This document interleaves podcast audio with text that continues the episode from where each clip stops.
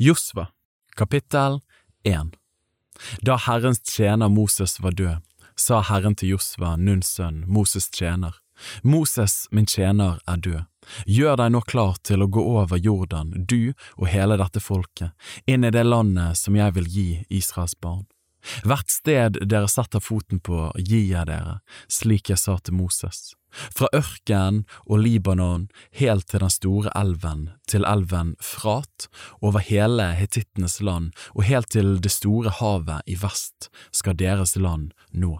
Ingen skal kunne stå seg mot deg alle ditt livs dager. Like som jeg var med Moses, vil jeg være med deg. Jeg vil ikke slippe deg og ikke forlate deg. Vær frimodig og sterk for du skal skifte ut til arv blant dette folket det landet som jeg med ed lovte deres fedre å gi dem. Vær du bare riktig frimodig og sterk, så du legger vind på å gjøre etter hele den loven som Moses, min tjener, lærte deg. Vik ikke av fra den, verken til høyre eller til venstre, så du kan gå klokt fram i alt det du tar deg fore. Denne lovens bok skal ikke vike fra din munn du skal grunne på den dag og natt, så du akter vel på og gjør etter alt det som står skrevet i den. Da skal du lykkes på dine veier, og da skal du gå klokt fram.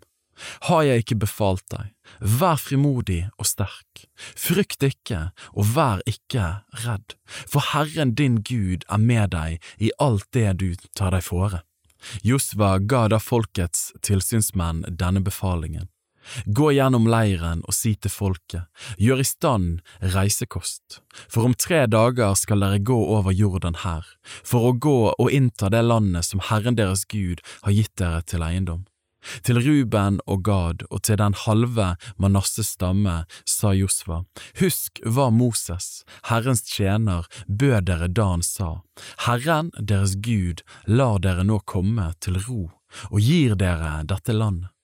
Deres koner og barn og buskapen deres skal bli igjen i det landet Moses har gitt dere øst for Jordan. Men selv skal dere, så mange av dere som er våpenføre menn, dra fullt rustet fram foran deres brødre og hjelpe dem. Men når Herren lar deres brødre komme til ro like som dere, når også de har tatt i eie det landet som Herren deres Gud har gitt dem, da skal dere vende tilbake og bosette dere i deres eget land, det som Moses, Herrens tjener, ga dere på østsiden av Jordan. Da svarte de Josfa og sa, Alt det du har befalt oss, vil vi gjøre, og hvor du sender oss, vil vi gå. Like som vi adlød Moses i alle ting, slik vil vi også adlyde deg. Måtte bare Herren din Gud være med deg, like som han var med Moses. Vær den som setter seg imot din befaling og ikke lyder dine ord i alt det du befaler ham, han skal dø. Vær bare frimodig og sterk. Kapittel 2 Josva, Nuns sønn, sendte hemmelig to speidere ut fra Shittim og sa, Gå av sted og se dere om i landet, og særlig i Jeriko. De gikk da av sted og kom inn i huset til en horkvinne som heter Rahab, og der overnattet de. Det ble da meldt til kongen i Jeriko, noen israelittiske menn er kommet hit i natt for å utspeide landet. Da sendte kongen i Jeriko bud til Rahab og sa, Før fram de mennene som kom til deg og tok inn i huset ditt, de er kommet for å utspeide hele landet. Men kvinnen tok og gjemte de to mennene, og så sa hun, Ja, disse mennene kom til meg, men jeg visste ikke hvor de var fra. I skumringen da byporten skulle stenges, gikk mennene ut. Jeg vet ikke hvor de tok veien. Skynd dere og sett etter dem, så når dere dem nok igjen. Men hun hadde latt dem stige opp på taket og hadde gjemt dem under linstenglene som hun hadde liggende utbredt der. Kongens menn satte da etter dem på veien til Jordan, til vadestedene. Så snart de som satte etter dem var dratt ut, ble porten stengt. Før speiderne hadde lagt seg til å sove, gikk hun opp til dem på taket, og hun sa til dem, Jeg vet at Herren har gitt dere dette landet. Nå er det kommet over oss en redsel for dere. Alle som bor i landet forgår av frykt for dere. For vi har hørt hvordan Herren tørket ut vannet i Rødehavet foran dere da dere dro ut av Egypt, og vi har hørt hva dere gjorde med begge amorittkongene på den andre siden av Jordan, Sihon og Og som dere slo med bann. Da vi hørte det, ble hjertet vårt fullt av angst, og nå er det ingen som våger å møte dere. For Herren deres Gud, han er Gud både i himmelen der oppe og på jorden her nede. Lov meg da og sverg ved Herren at fordi jeg har vist barmhjertighet mot dere, så skal også dere vise barmhjertighet mot min fars hus. Gi meg et sikkert tegn på at dere vil la min far og min mor og mine brødre og mine søstre og alle som hører dem til, få leve og frelse vårt liv fra døden. Da sa mennene til henne, med vårt eget liv skal vi stå inne for deres liv. Så sant dere ikke lar noen få vite noe om ærendet vårt, skal vi, når Herren gir oss landet, vise barmhjertighet og troskap mot deg. Så firte hun dem ned gjennom vinduet med et rep, for huset hennes lå ved bymuren, hun bodde tett inntil muren. Hun sa til dem, gå opp i fjellet, så at de som forfølger dere, ikke treffer på dere, og hold dere skjult der i tre dager til forfølgerne kommer tilbake. Siden kan dere gå hvor dere vil. Mennene sa da, Vi regner oss for å være løst fra denne ed som du tok av oss, hvis du ikke gjør dette. Når vi kommer inn i landet, skal du binde denne skarlagenrøde snoren i vinduet som du firte oss ned fra. Og så skal du samle din far og mor, brødrene dine og hele slekten din her i huset hos deg. Går da noen ut av døren i huset ditt, da kommer hans blod over hans eget hode, og vi er skyldfrie. Men blir det lagt hånd på noen som er hos deg i huset, skal hans blod komme over vårt hode. Og dersom du røper ærendet vårt for noen, så er vi løst fra den eden du tok av oss. Hun sa, La det være som dere sier. Så lot hun dem gå. De dro av sted, og hun bandt den skarlagenrøde snoren i vinduet. De gikk til de kom opp i fjellet, der slo de seg til i tre dager, til de som forfulgte dem var kommet tilbake. De lette hele veien uten å finne dem. Så vendte de to mennene tilbake og gikk ned fra fjellet. De satte over elven og kom til Josfa, Nuns sønn, og fortalte ham alt det som hadde hendt dem. Og de sa til Josfa, Herren har gitt hele landet i vår hånd. Alle landets innbyggere holder på å forgå av frykt for oss.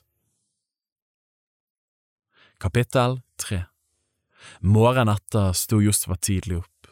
Han brøt opp fra Shittim med alle Israels barn og kom til Jordan. Der ble de en tid før de gikk over elven. Da tre dager var gått, gikk tilsynsmennene gjennom leiren. De bød folket og sa, når dere ser Herrens, deres Guds, paktsark og de levittiske prestene i ferd med å bære den, så skal dere bryte opp fra leirplassene og følge etter den. Men det skal være en avstand mellom dere og arken, omkring 2000 al. Dere må ikke komme for nær den, slik kan dere vite hva vei dere skal gå, for dere har ikke gått denne veien før. Da sa Josfa til folket, Hellige dere, for i morgen vil Herren gjøre underfulle ting blant dere. Og til prestene sa Josfa, Ta paktens ark og gå fram foran folket. Da tok de opp paktens ark og gikk fram foran folket. Herren sa til Josfa, På denne dagen vil jeg begynne å gjøre deg stor for hele Israels øyne, så de skal forstå at like som jeg var med Moses, slik vil jeg òg være med deg. Du skal si til prestene som bærer paktens ark, når dere kommer til bredden av Jordans vann, så skal dere bli stående der ved Jordan. Og Josva sa til Israels barn, Kom hit og hør Herren deres Guds ord. Og Josva sa, På dette skal dere kjenne at den levende Gud er midt iblant dere, og at han helt sikkert skal drive bort for dere kananeerne og hitittene og hevittene og fersittene og girgashittene og amorittene og jebusittene. Se, han som er all jordens herre, hans paktsark går foran dere ut i Jordan.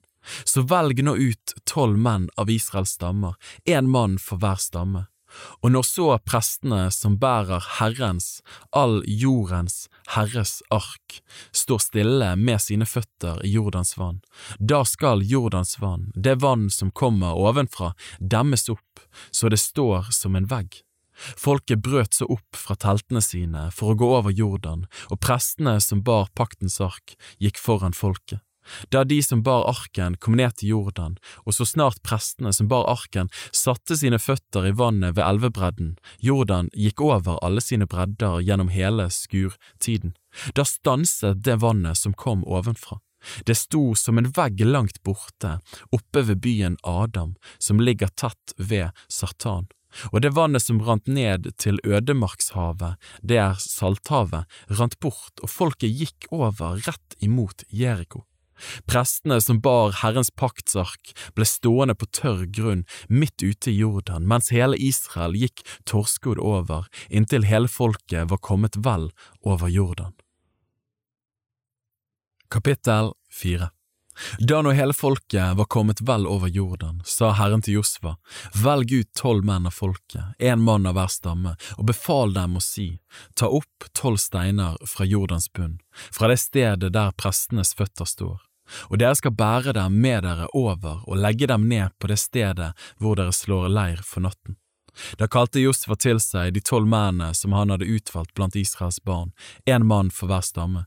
Og Josfa sa til dem, Gå foran Herrens, deres Guds ark, ut i Jordan og ta hver sin stein opp på skulderen, etter tallet på Israels barns stammer. Disse steinene skal være et tegn blant dere. Når barna deres i fremtiden spør, Hva er dette for steiner? Da skal dere si til dem, Jordans vann delte seg foran Herrens paktsark. Da den kom ut i Jordan, delte Jordans vann seg og disse steinene skal være til et minne om dette for Israels barn til evig tid. Israels barn gjorde som Josfa befalte. De tok tolv steiner opp av jorden, slik Herren hadde sagt til Josfa, etter tallet på Israels barns stammer, og de bar dem med seg over til det stedet hvor de ble natten over, og der la de dem ned.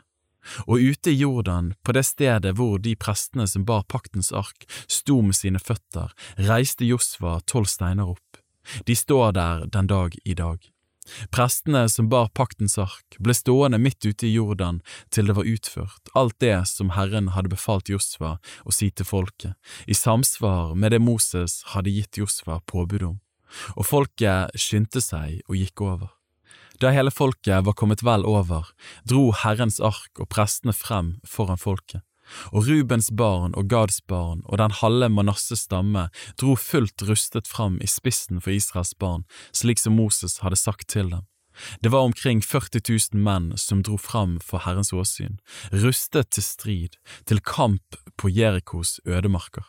Denne dagen gjorde Herren Josfa stor for hele Israels øyne. De hadde ærefrykt for ham, like som de hadde hatt ærefrykt for Moses alle hans livs dager.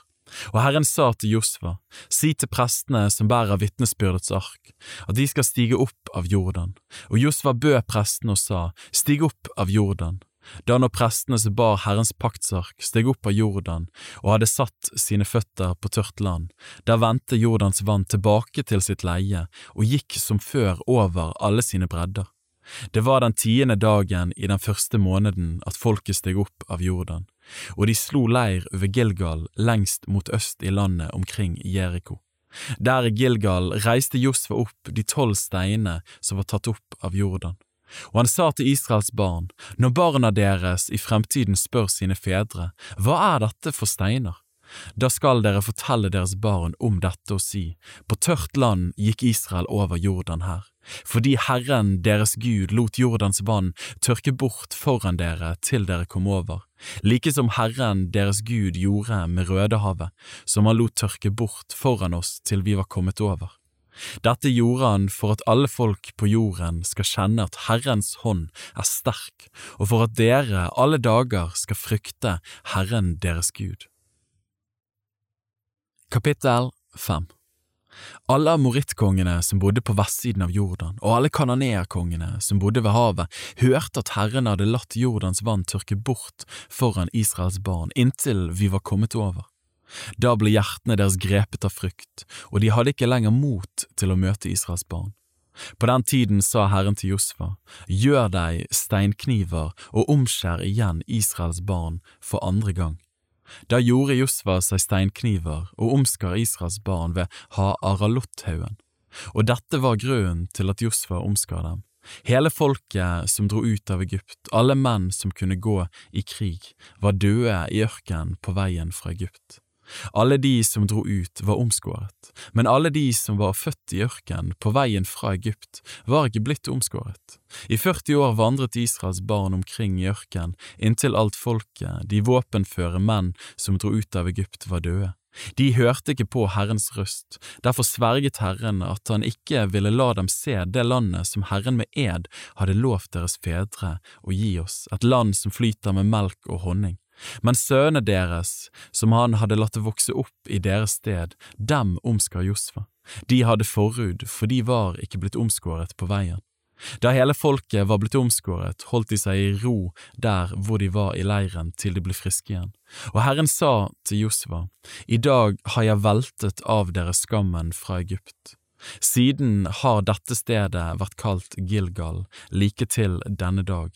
Mens Israels barn lå i leir ved Gilgal, holdt de påske der på Jeriko-sletten, om kvelden den fjortende dagen i måneden. Og dagen etter påsken åt de av landets grøde, usyret brød og ristet korn åt de den dagen. Mannen hørte opp dagen etter, for nå åt de av landets grøde. Israels barn fikk ikke mer manna, men de åt dette året av det som var avlet i Kanans land.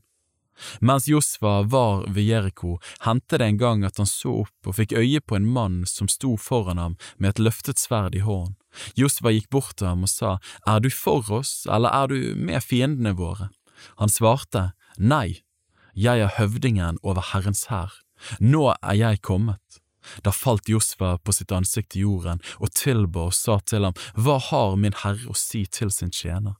Og høvdingen over Herrens hær sa til Josfa, Dra skoen av din fot, for det stedet du står på er hellig. Og Josfa gjorde så.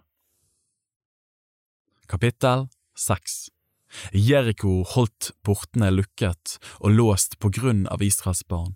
Ingen gikk ut, og ingen kom inn. Da sa Herren til Josfa, Se, jeg har gitt Jeriko med kongen og de tapre krigerne i din hånd. La nå alle stridsmennene gå omkring byen, rundt om den én gang. Slik skal du gjøre i seks dager.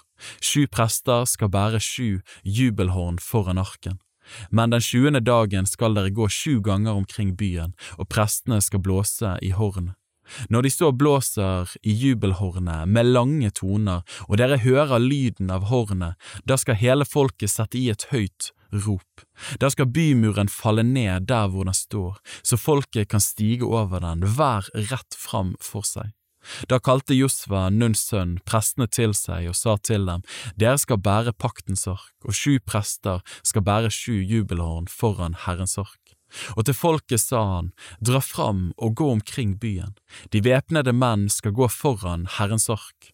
Da Josva hadde sagt dette til folket, gikk de sju prestene fram, de som bar de sju jubelhornene for Herrens åsyn. De blåste i hornet, og Herrens paktsark fulgte etter dem. De væpnede mennene gikk foran prestene som blåste i hornet, og de som avsluttet toget, gikk etter arken mens det ustanselig ble blåst i hornet. Josva bød folk og sa, Dere skal ikke rope og ikke la deres røst høre.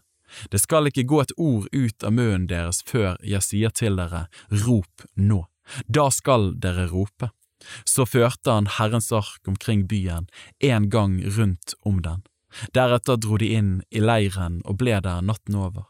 Morgenen etter sto Josfa tidlig opp, og prestene bar Herrens ark. Og de sju prestene som bar de sju jubelhornene foran Herrens ork, gikk hele tiden og blåste i horn. De væpnede mennene gikk foran dem, og de som sluttet toget, gikk etter Herrens ork. Hele tiden ble det blåst i horn.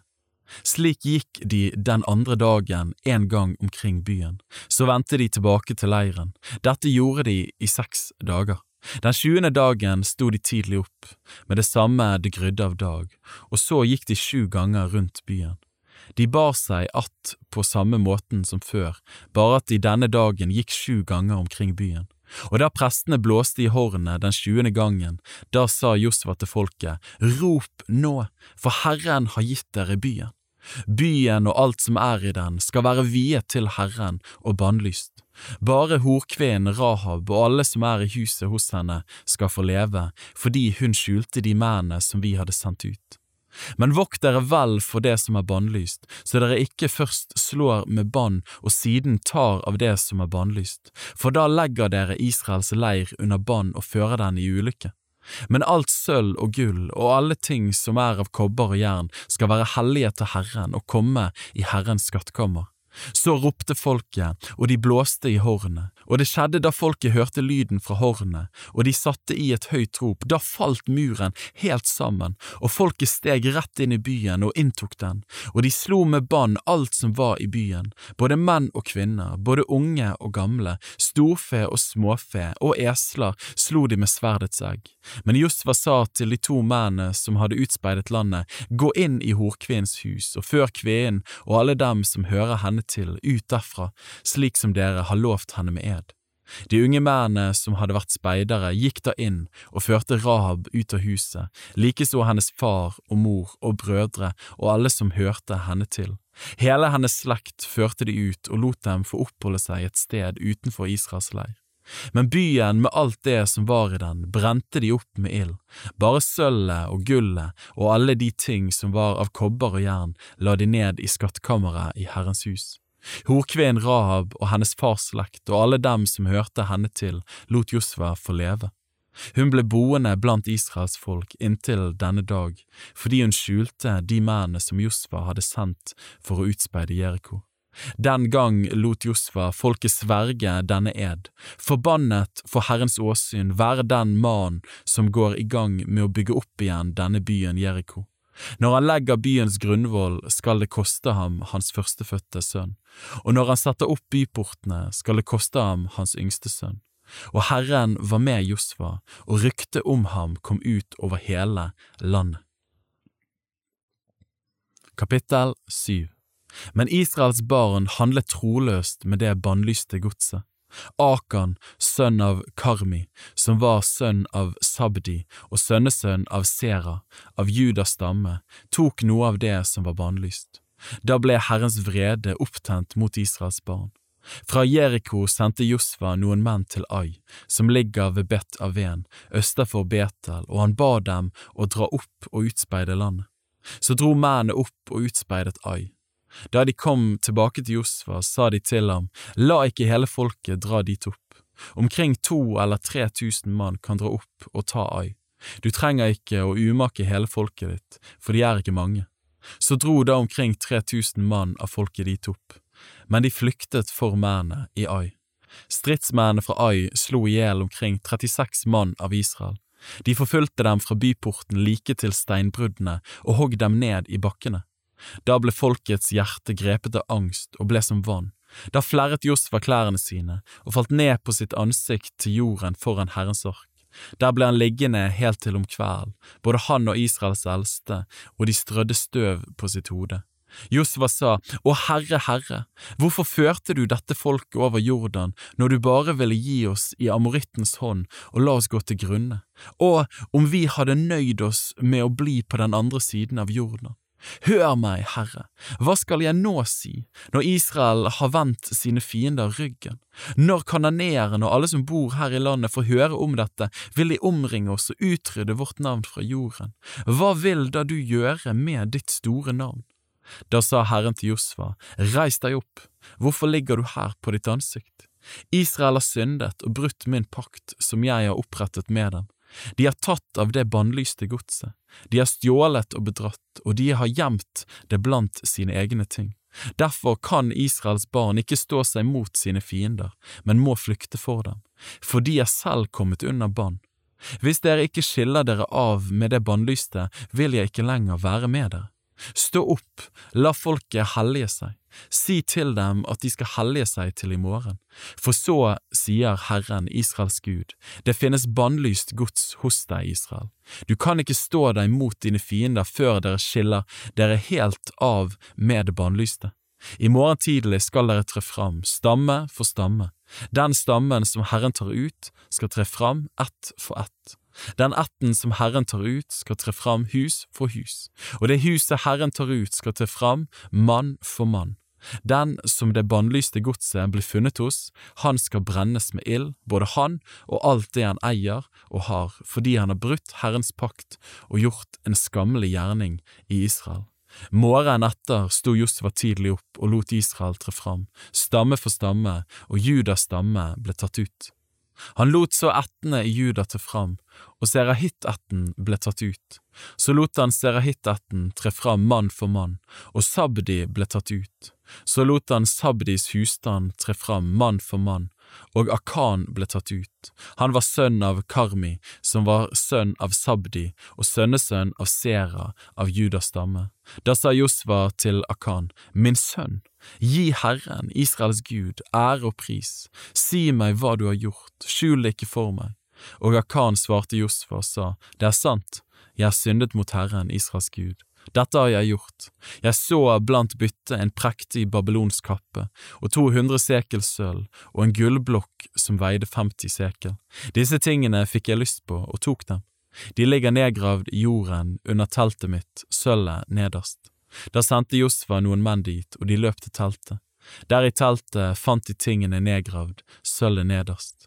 De tok alt dette ut av teltet og bar det med seg til Josfa og alle Israels barn, og de la det frem for Herrens åsyn. Og Josva sammen med hele Israel tok med seg Akan, Seras sønn, og sølvet og kappen og gullblokken og hans sønner og døtre og hans storfe, esler og småfe, hans telt og alt det han hadde, og de førte det opp i Akordal. Og Josva sa, For en ulykke du har ført over oss. I dag skal Herren føre ulykke over deg. Og hele Israel steinet ham, og de brente dem opp med ild og steinet dem. Deretter kastet de en stor steinrøys sammen over ham. Den er der den dag i dag. Og Herren vendte om fra sin brennende vrede. Derfor kaltes dette stedet Akordal, og det navnet har den den dag i dag. Kapittel 8 Og Herren sa til Josva, frykt ikke og vær ikke redd, ta med deg alt krigsfolket, gjør deg klar og dra opp mot Ai. Se, jeg har gitt kongen i Ai og hans folk og hans by og hans land i din hånd. Du skal gjøre med Ai og kongen der som du gjorde med Jeriko og kongen der, men byttet og buskapen som dere tar, kan dere selv beholde. Legg nå folk i bakhold på vestsiden av byen. Da gjorde Josva og alt krigsfolket seg klar til å dra opp mot Ai. Josva valgte ut 30 000 mann, tapre stridsmenn, og sendte dem av sted om natten. Han ga dem denne ordren. Nå skal dere legge dere i bakhold mot byen, på vestsiden, ikke svært langt fra byen, og hold dere ferdig alle sammen. Så vil jeg og alt det folket som er med meg, gå fram mot byen. Når de så rykker ut mot oss, slik de gjorde første gangen, vil vi flykte for dem. Da vil de dra ut etter oss slik at vi får lokket dem bort fra byen. De vil si, de flykter for oss slik som første gangen, men mens vi drar oss unna dem, skal dere reise dere fra bakholdet og innta byen. Herren deres Gud skal gi den i deres hånd. Når dere har inntatt byen, skal dere sette ild på den. Dere skal gjøre etter Herrens ord. Se, jeg har nå sagt dere hva dere skal gjøre.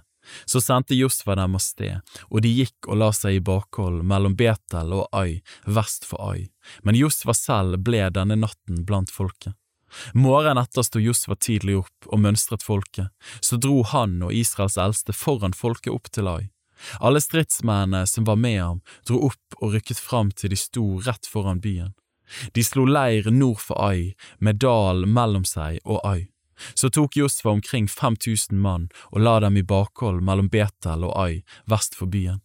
De fylket nå krigsfolket, både de som lå i leir nord for byen og de som lå i bakhold vest for byen. Samme natt gikk Josfa midt ned i dalen. Da kongen i Ai så dette, skyndte byens menn seg, kongen og hele hans folk, og dro tidlig om morgenen ut til kamp mot Israel på et avtalt sted foran ødemarken, men han visste ikke at det lå et bakhold mot ham vest for byen. Josva og hele Israel lot seg drive bort fra dem og flyktet bort imot ødemarken. Da ble alt folket som var i byen ropt sammen for å forfølge dem, og de forfulgte Josva og kom på den måten lenger og lenger bort fra byen. Det ble ikke én mann tilbake i Ai og Betel, alle dro de ut etter Israel. De lot byen ligge åpen etter seg og forfulgte Israel. Da sa Herren til Josva, rekk ut spydet du har i hånden mot Ai, for jeg vil gi byen i din hånd. Så rakte Josfa spydet som han hadde i hånden ut mot byen. Med det samme han rakte hånden ut, reiste bakholdet seg fra plassen sin og sprang fram. De kom inn i byen og inntok den, og de skyndte seg og satte ild på byen. Da når mennene fra Ai snudde seg, fikk de se røken fra byen stige opp mot himmel, men det var ikke mulig for dem å flykte hverken hit eller dit, for det krigsfolket som hadde rømt ut i ødemarken, vendte seg nå mot forfølgerne. For da Josva og hele Israel så at de som lå i bakhold hadde inntatt byen og at røken av den steg opp, vendte de om og slo Ai-mennene.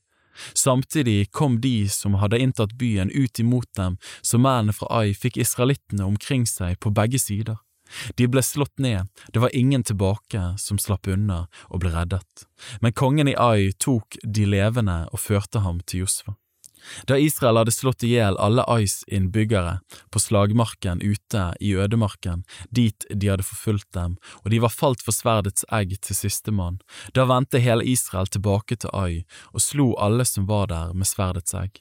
Det var tolv tusen som falt denne dagen, alle Ais innbyggere, både menn og kvinner. Josva trakk ikke tilbake hånden med spydet som han hadde rakt ut, før han hadde slått alle Ais innbyggere med bann.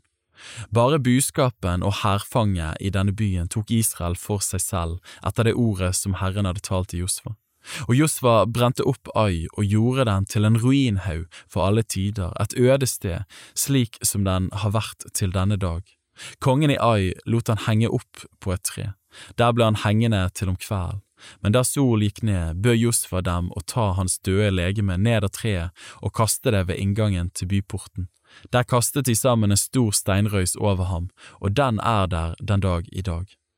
Da bygde Josfa et alter for Herren, Israels Gud, på Ebal-fjellet, slik som Moses, Herrens tjener, hadde befalt Israels barn etter det som står skrevet i Mose lovbok et alter av utilhogd steiner som det ikke hadde vært brukt jern på.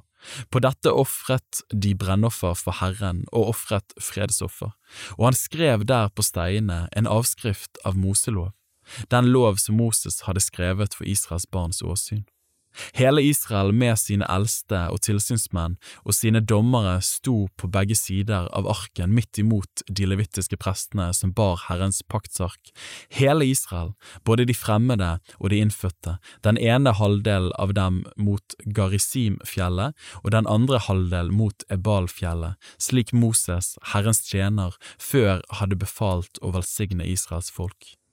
Deretter leste han opp alle lovens ord, velsignelsen og forbannelsen, i ett og alt slik som skrevet er i lovens bok. Det var ikke ett ord av alt det som Moses hadde befalt, uten at Josva leste det opp for hele Israels menighet, med kvinner og barn og for de fremmede som fulgte med dem.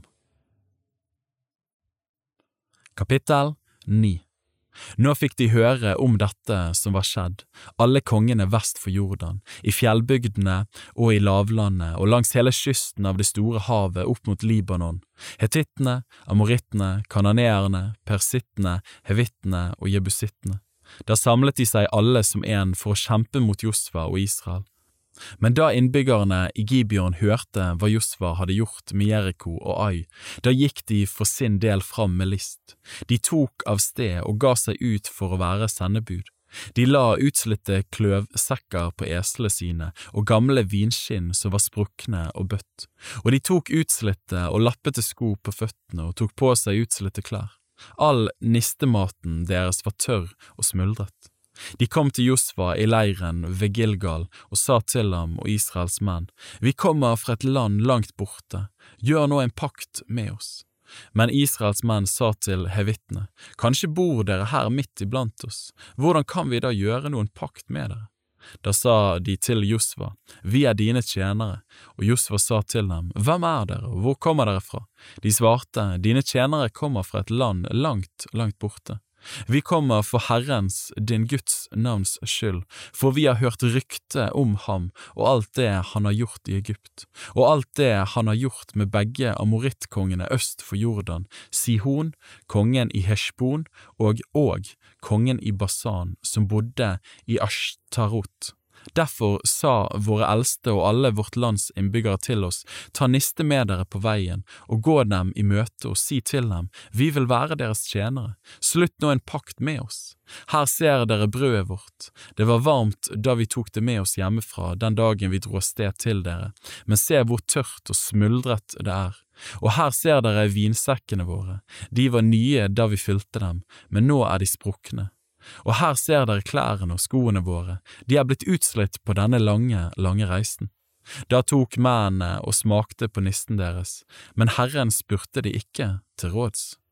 Josva tilsa dem så fred og gjorde pakt med dem om at de skulle få leve, og menighetens høvdinger avla ed på dette. Men tre dager etter at de hadde sluttet pakt med dem, fikk de høre at de var naboene deres og bodde midt iblant dem. For da Israels barn brøt opp, kom de den tredje dagen til byene deres, det var Gibeon og Hakefira og Beerot og Kiryat Jearim. Men Israels barn slo dem ikke i hjel, fordi menighetens høvdinger hadde sverget ved Herren, Israels Gud, og lovt dem fred. Da knurret hele menigheten mot høvdingene. Men alle høvdingene sa til hele menigheten, Vi har sverget ved Herren, Israels Gud, og lovt dem fred, og nå kan vi ikke legge hånd på dem. Slik vil vi gjøre med dem, vi vil la dem få leve for at det ikke skal komme vrede over oss på grunn av den ed som vi har sverget dem. Høvdingene sa altså, de skal få leve. Så ble de vedhoggere og vannbærere for hele menigheten, slik høvdingene hadde sagt til israelittene. Så kalte Josva mennene fra Gibeon for seg og sa til dem, Hvorfor narret dere oss og sa, Vi bor langt, langt borte fra dere, og så bor dere her midt iblant oss? Derfor skal dere nå være forbannet, ingen av dere skal slippe å være trell og hogge ved og bære vann til min Guds hus. De svarte Josfa og sa, Dine tjenere hadde fått vite at Herren din Gud hadde sagt til Moses, din tjener, at han ville gi dere hele landet og utrydde alle landets innbyggere for dere. Da ble vi redde for at dere skulle ta vårt liv, derfor gjorde vi dette. Men nå er vi i din hånd, gjør med oss det som er godt og rett i dine øyne. Dette gjorde han så med dem. Han reddet dem av Israels barns hånd, så de ikke slo dem i hjel. Men Josva gjorde dem samme dag til vedhoggere og vannbærere for menigheten og for Herrens alter, på det stedet han ville utvelge seg, og det har de vært til denne dag. Kapittel 10 Adoni Sidek, kongen i Jerusalem, fikk høre at Josva hadde inntatt Ai og slått det med bann, og at han hadde gjort det samme med Ai og kongen der som han hadde gjort med Jeriko og kongen der. Han fikk også høre at innbyggerne i Gibeon hadde sluttet fred med Israel og bodde midt iblant dem. Da ble de meget redde, for Gibeon var en stor by, som en av kongebyene, større enn Ai, og alle mennene der var tapre stridsmenn. Så sendte Adoni Sedek, kongen i Jerusalem, bud til Hoham, kongen i Hebron, og til Piream, kongen i Jarmut, og til Jafia, kongen i Lakish, og til Debir, kongen i Eglon, og sa, Kom opp til meg og hjelp meg, så vi kan slå Gibeon, for de har sluttet fred med Josva og Israels barn. De fem amorittkongene, kongen i Jerusalem, kongen i Hebron, kongen i Jarmut, kongen i Lakish og kongen i Eglon, slo seg da sammen og dro opp med alle hærene sine. De slo leir ved Gibeon og førte krig mot byen. Der sendte innbyggerne i Gibeon bud til Josfa i leiren ved Gilgal og sa, Slå ikke hånden av dine tjenere, kom opp til oss så fort du kan, og berg oss og hjelp oss, for alle amorittkongene som bor i fjellbygdene har slått seg sammen mot oss. Så dro Josfa opp fra Gilgal med alt sitt krigsfolk og alle sine trapre stridsmenn. Og Herren sa til Josfa, Vær ikke redd dem. Jeg har gitt dem i dine hender, og ikke en av dem skal kunne stå seg mot deg. Josva kom brått over dem, han brøt opp fra Gilgal og marsjerte hele natten. Herren slo dem med redsel for Israel, og Josva påførte dem et stort mannefall ved Gibeon. Siden forfulgte han dem på veien opp til Bet Horon og hogg dem ned helt til Aseka og Makeda. Mens de nå flyktet for Israel og var på veien ned fra Bet Horon, kastet Herren store steiner ned over dem fra himmelen, hele veien fram til Aseka, så de døde. De som ble drept ved haglsteinene, var flere enn de Israels barn slo i hjel med sverdet. På denne dagen da Herren ga amorittene i Israels barns hånd, talte Josfa til Herren.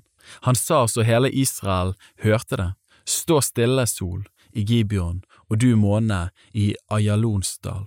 Og sol sto stille, og månen ble stående inntil folket hadde fått hevn over sine fiender. Står det ikke skrevet så i Den rettskaffenes bok, solen ble stående midt på himmelen og drøyde nesten en hel dag før den gikk ned. Aldri har det vært noen dag som denne, hverken før eller siden, da Herren hørte på en manns røst, for Herren stred for Israel. Så vendte Josva med hele Israel tilbake til leiren ved Gilgal. Men de fem kongene flyktet og skjulte seg i hulen ved Makeda det ble meldt Josfa. De fem kongene er funnet. De har gjemt seg i hulen ved Makeda. Josfa sa, velt store steiner for inngangen til hulen, og sett folk der til å vokte på dem. Men selv må dere ikke stanse. Forfølg fiendene deres og hogg ned baktroppen. La dem ikke komme inn i byene, for Herren deres Gud har gitt dem i deres hånd. Josva og Israels barn voldte et meget stort mannefall blant dem, de gjorde rent ende på dem slik at bare noen få av dem kom seg unna og slapp inn i de befestede byene. Så vendte hele folket tilbake i fred til Josva i leiren ved Makeda. Ingen våget mer å kny mot noen av Israels barn. Da sa Josva, åpne inngangen til hulen og før de fem kongene ut til meg. De gjorde så, de førte de fem kongene ut fra hulen til ham, kongen i Jerusalem, kongen i Hebron, kongen i Jarmut, kongen i Lakish og kongen i Eglon. Da de hadde ført kongene ut til Josfa, kalte han til seg alle Israels menn, og han sa til førerne for de stridsmenn som hadde dratt ut med ham, Kom hit og sett foten på nakken av disse kongene. Og de kom fram og satte foten på nakken deres. Josva sa til dem, Frykt ikke og vær ikke redde, vær frimodige og sterke, for slik skal Herren gjøre med alle fiender som dere kommer i strid med. Deretter hogg Josva dem ned, han drepte dem og hengte dem opp på fem trær, og de ble hengende på trærne helt til kvelden. Men ved solnedgang befalte Josva sine folk å ta dem ned av trærne og kaste dem inn i den hulen hvor de hadde gjemt seg. Foran inngangen til hulen la de store steiner, og de ligger der den dag i dag. Samme dag inntok Josfa Makeda og slo byen med sverdets egg. Kongen der slo han med bann, og hver sjel som var der. Han lot ikke noen bli i live eller slippe unna. Han gjorde med kongen i Makeda som han hadde gjort med kongen i Jeriko. Fra Makeda dro Josfa og hele Israel med ham til Libna og kjempet mot Libna. Herren ga også denne byen og dens konge i Israels hånd. Josva slo byen med sverdets egg og hogg ned hver sjel som var der. Han lot ikke noen bli i live eller slippe unna. Han gjorde med kongen der som han hadde gjort med kongen i Jeriko. Så dro Josva med hele Israel fra Libna til Lakish. Han slo leir ved byen og kjempet mot den. Og Herren ga Lakish i Israels hånd. Den andre dagen inntok Josfa byen og slo den med sverdet seg, og Han hogg ned hver sjel som var der, slik som han hadde gjort med Libna. Da dro Horam, kongen i Geser, opp for å hjelpe Lakish. Men Josfa slo ham og hans folk og lot ikke noen av dem bli i live eller slippe unna. Fra Lakish dro Josfa med hele Israel til Eglon. De slo leir ved byporten og kjempet mot den. Og de inntok byen samme dag og slo den med sverdet egg. Hver sjel som var der, slo han med bann samme dag, slik han hadde gjort med Lakish. Så dro Josfa med hele Israel fra Eglon opp til Hebron, og de stred mot byen. De inntok byen og slo den med sverdets egg, både den og kongen der og alle småbyene som lå under den. De hogg ned hver sjel som var der. Josfa lot ikke noen bli i live eller slippe unna, slik han hadde gjort med Eglon. Han slo byen og hver sjel som var der, med bann. Deretter vendte Josfa seg med hele Israel mot Debir og stred mot byen. Og han tok byen og kongen der og alle småbyene som lå under den. De slo dem med sverdets egg, og hver sjel som var der, slo de med bann. Josfa lot ikke noen bli i live eller slippe unna, som han hadde gjort med Hebron og som han hadde gjort med Libna og dets konge, slik gjorde han med Debir og kongen der. Slik inntok Josva hele landet, både fjellbygdene og sydlandet og lavlandet og liene, og slo alle kongene der. Han lot ikke noen bli i live eller slippe unna, men slo hver levende sjel med bann, slik som Herren, Israels Gud, hadde befalt. Han undertvang hele landet mellom Kadesh, Barnea og Gaza, og hele Gosenlandet like til Gibeon. Alle disse kongene og deres land tok Josfa på samme tid, for Herren, Israels Gud, stred for Israel. Deretter vendte Josfa med hele Israel tilbake til leiren ved Gilgal. Kapittel 11 Jabin, kongen i Hasor, hørte om alt dette. Da sendte han bud til Jobab, kongen i Madon, og til kongen i Shimron og til kongen i Aksjav, og til kongene i nord, i fjellbygdene og i traktene sør for Kineret, i lavlandet og på Dorhøydene ved havet. Han sendte bud til kananeerne i øst og i vest, til amorittene og hetittene og fersittene og jebusittene i fjellbygdene og til hevittene ved foten av Hermon i Misbaland disse dro ut med alle sine hærer, en mengde så tallrik som sand på havets bredd, med hester og vogner i store mengder. Alle disse kongene satte hverandre stevne. De kom og slo leir sammen ved Merom-elven for å kjempe mot Israel. Da sa Herren til Josva, Vær ikke redd dem, for i morgen ved denne tiden legger jeg dem alle sammen ihjelslått foran Israel. Du skal skjære over hasene på hestene deres, og vognene skal du brenne opp med ild. Josva og alle stridsmennene hans kom brått over fienden ved Merom-elven og overfalt dem, og Herren ga dem i Israels hånd. De slo dem og forfulgte dem helt til det store Sidon og til Misrefot Majim, og i øst helt til Misbe dal. De hogg dem ned og lot ingen bli i live eller slippe unna. Josva gjorde med dem som Herren hadde sagt, han skar hasene over på hestene deres, og vognene brente han opp med ild. Straks etter vendte Josva tilbake og inntok Hasor, og kongen der slo han i hjel med sverdet. For Hasor var før i tiden den ledende byen for alle disse kongerikene. Hver sjel som var der, slo de med sverdets egg, og de slo byen med bann. Det ble ikke en levende sjel igjen, og Hasor brente de opp med ild. Alle de andre kongebyene, med alle deres konger, inntok Josfa og slo dem med sverdets egg. Han slo dem med bånd, slik som Moses, Herrens tjener, hadde befalt, men ingen av byene som lå der på sine hauger, brente Israel opp. Det var bare Hasor Josfa brente opp. Alt krigsbyttet i disse byene og buskapen der tok Israels barn for seg selv. Men hele folket slo de med sverdets egg inntil de hadde utryddet dem, de lot ikke en levende sjel bli igjen. Det som Herren hadde pålagt Moses sin tjener, det hadde Moses pålagt Josfa. Og dette gjorde Josfa, han lot ikke noe ugjort av alt det Herren hadde pålagt Moses. Slik inntok Josfa hele dette landet, Fjellbygdene og hele Sydlandet og hele Gosenlandet, lavlandet og ødemarken og i fjellbygdene i Israel og lavlandet der, fra det nakne fjellet som strekker seg opp imot Seir til Baal Gad i Libanondal ved foten av Hermonfjellet.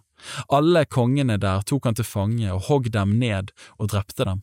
I lang tid førte Josva krig med alle disse kongene. Det var ikke noen by som sluttet fred med Israels barn, bortsett fra hevittene som bodde i Gibeon.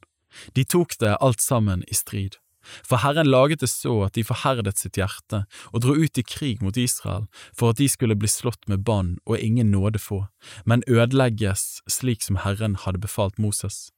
På denne tiden kom Josfa og utryddet anakittene i fjellbygdene, i Hebron, i Debir, i Anab og i alle fjellbygdene både i Juda og i Israel. Josva slo dem og byene deres med bann. Det ble ingen anakitter igjen i Israels barns land, bare i Gaza, i Gat og i Ashtod ble noen tilbake. Så inntok Josva hele landet, slik som Herren hadde sagt til Moses. Josva ga det som arv til Israel etter deres ettergrener i deres stammer, og landet hadde nå ro etter krigen.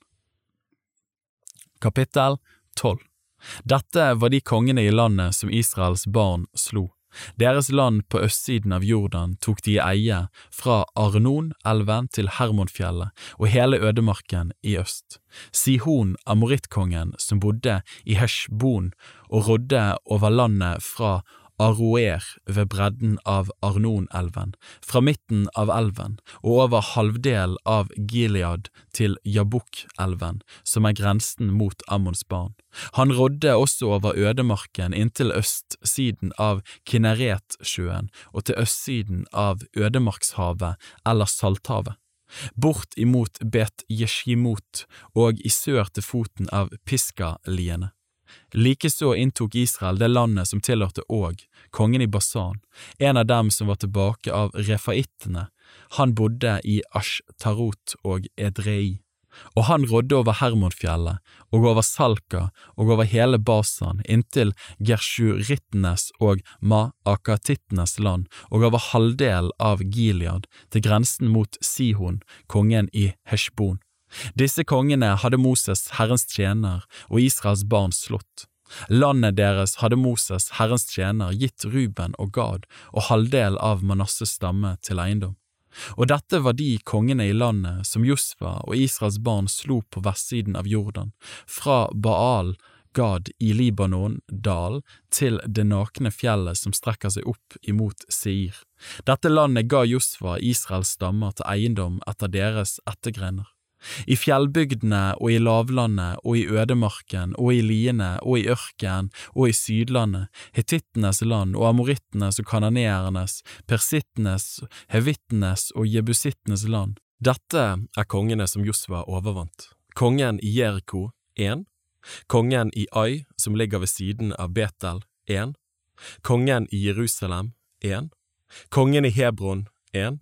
Kongen i Jarmut, én kongen i Lakish, 1. Kongen i Eglon, 1. Kongen i Geser, 1. Kongen i Debir, 1. Kongen i Geder, 1. Kongen i Horma, 1. Kongen i Arad, 1. Kongen i Libna, 1. Kongen i Adullam, 1. Kongen i Makeda, 1. Kongen i Betel, 1. Kongen i Tapua, 1. Kongen i Hefer, 1. Kongen i Afek, 1. Kongen i Lazaron, 1. Kongen i Madon, 1.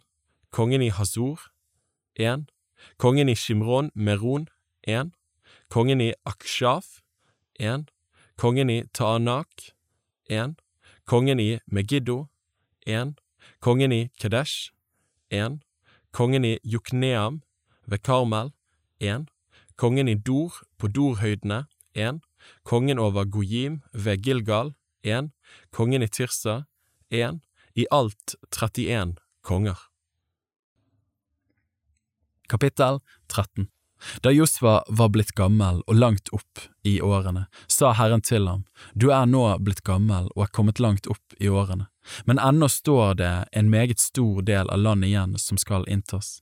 Dette er det landet som står igjen, alle filistrenes bygder og hele Gershuritt-landet, for alt som ligger mellom Shihor øst for Egypt og Ekrons grense mot nord skal regnes som kananeisk land, både de fem filisterfyrstene i Gaza og Ashdod og Ashelon og Gat og Ekron og Avittene mot syd hele kanoneernes land og Meara, som tilhører sidonierne, helt til Afek, til amorittenes grense, og giblittenes land og hele Libanon mot øst, fra Baal Gad ved foten av Hermonfjellet like til Hamatveien, alle de som bor i fjellbygdene, fra Libanon til Misrefot Mayim, alle sidonierne, jeg vil selv drive dem bort for Israels barn, men du skal dele ut landet ved loddkastning til arv for Israel, slik som jeg har befalt deg.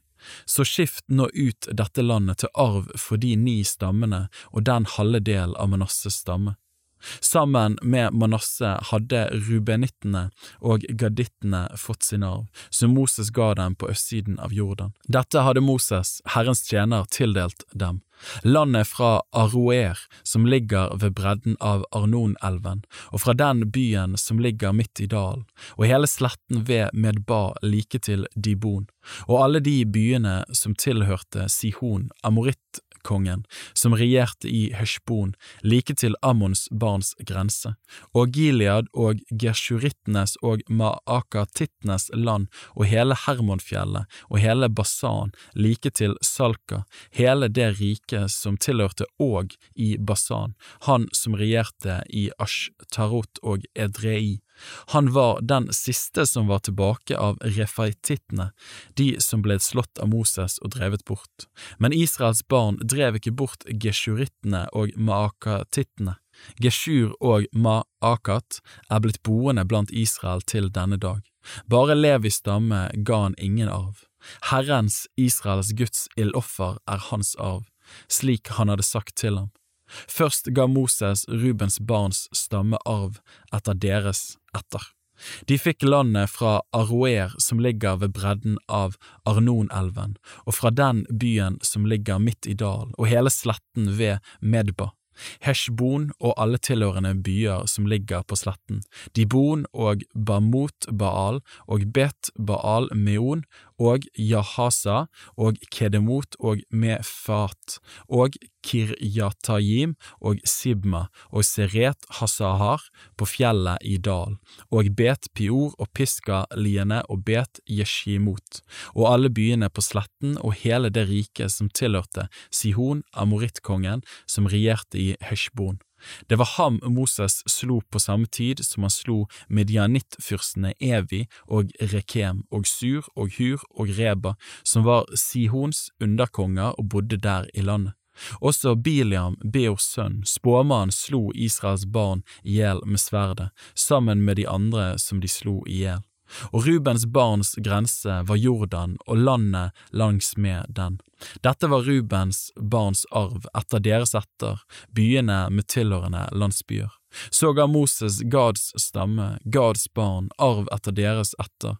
Det landet de fikk var Yaser og alle byene i Gilead og halvdel av Ammons barns land helt til Aroer, som ligger midt imot Rabba, fra Heshbon til Ramat, Hamispe og Betonim og fra Mahanayim til Debirs landegrense, og i dalen fikk de Bet Haram og Bet Nimra og Sukkot og Safon, resten av det riket som hadde tilhørt Sihon, kongen i Heshbon, med Jordan og landet langsmed den inntil enden av Kinneret-sjøen på østsiden av Jordan.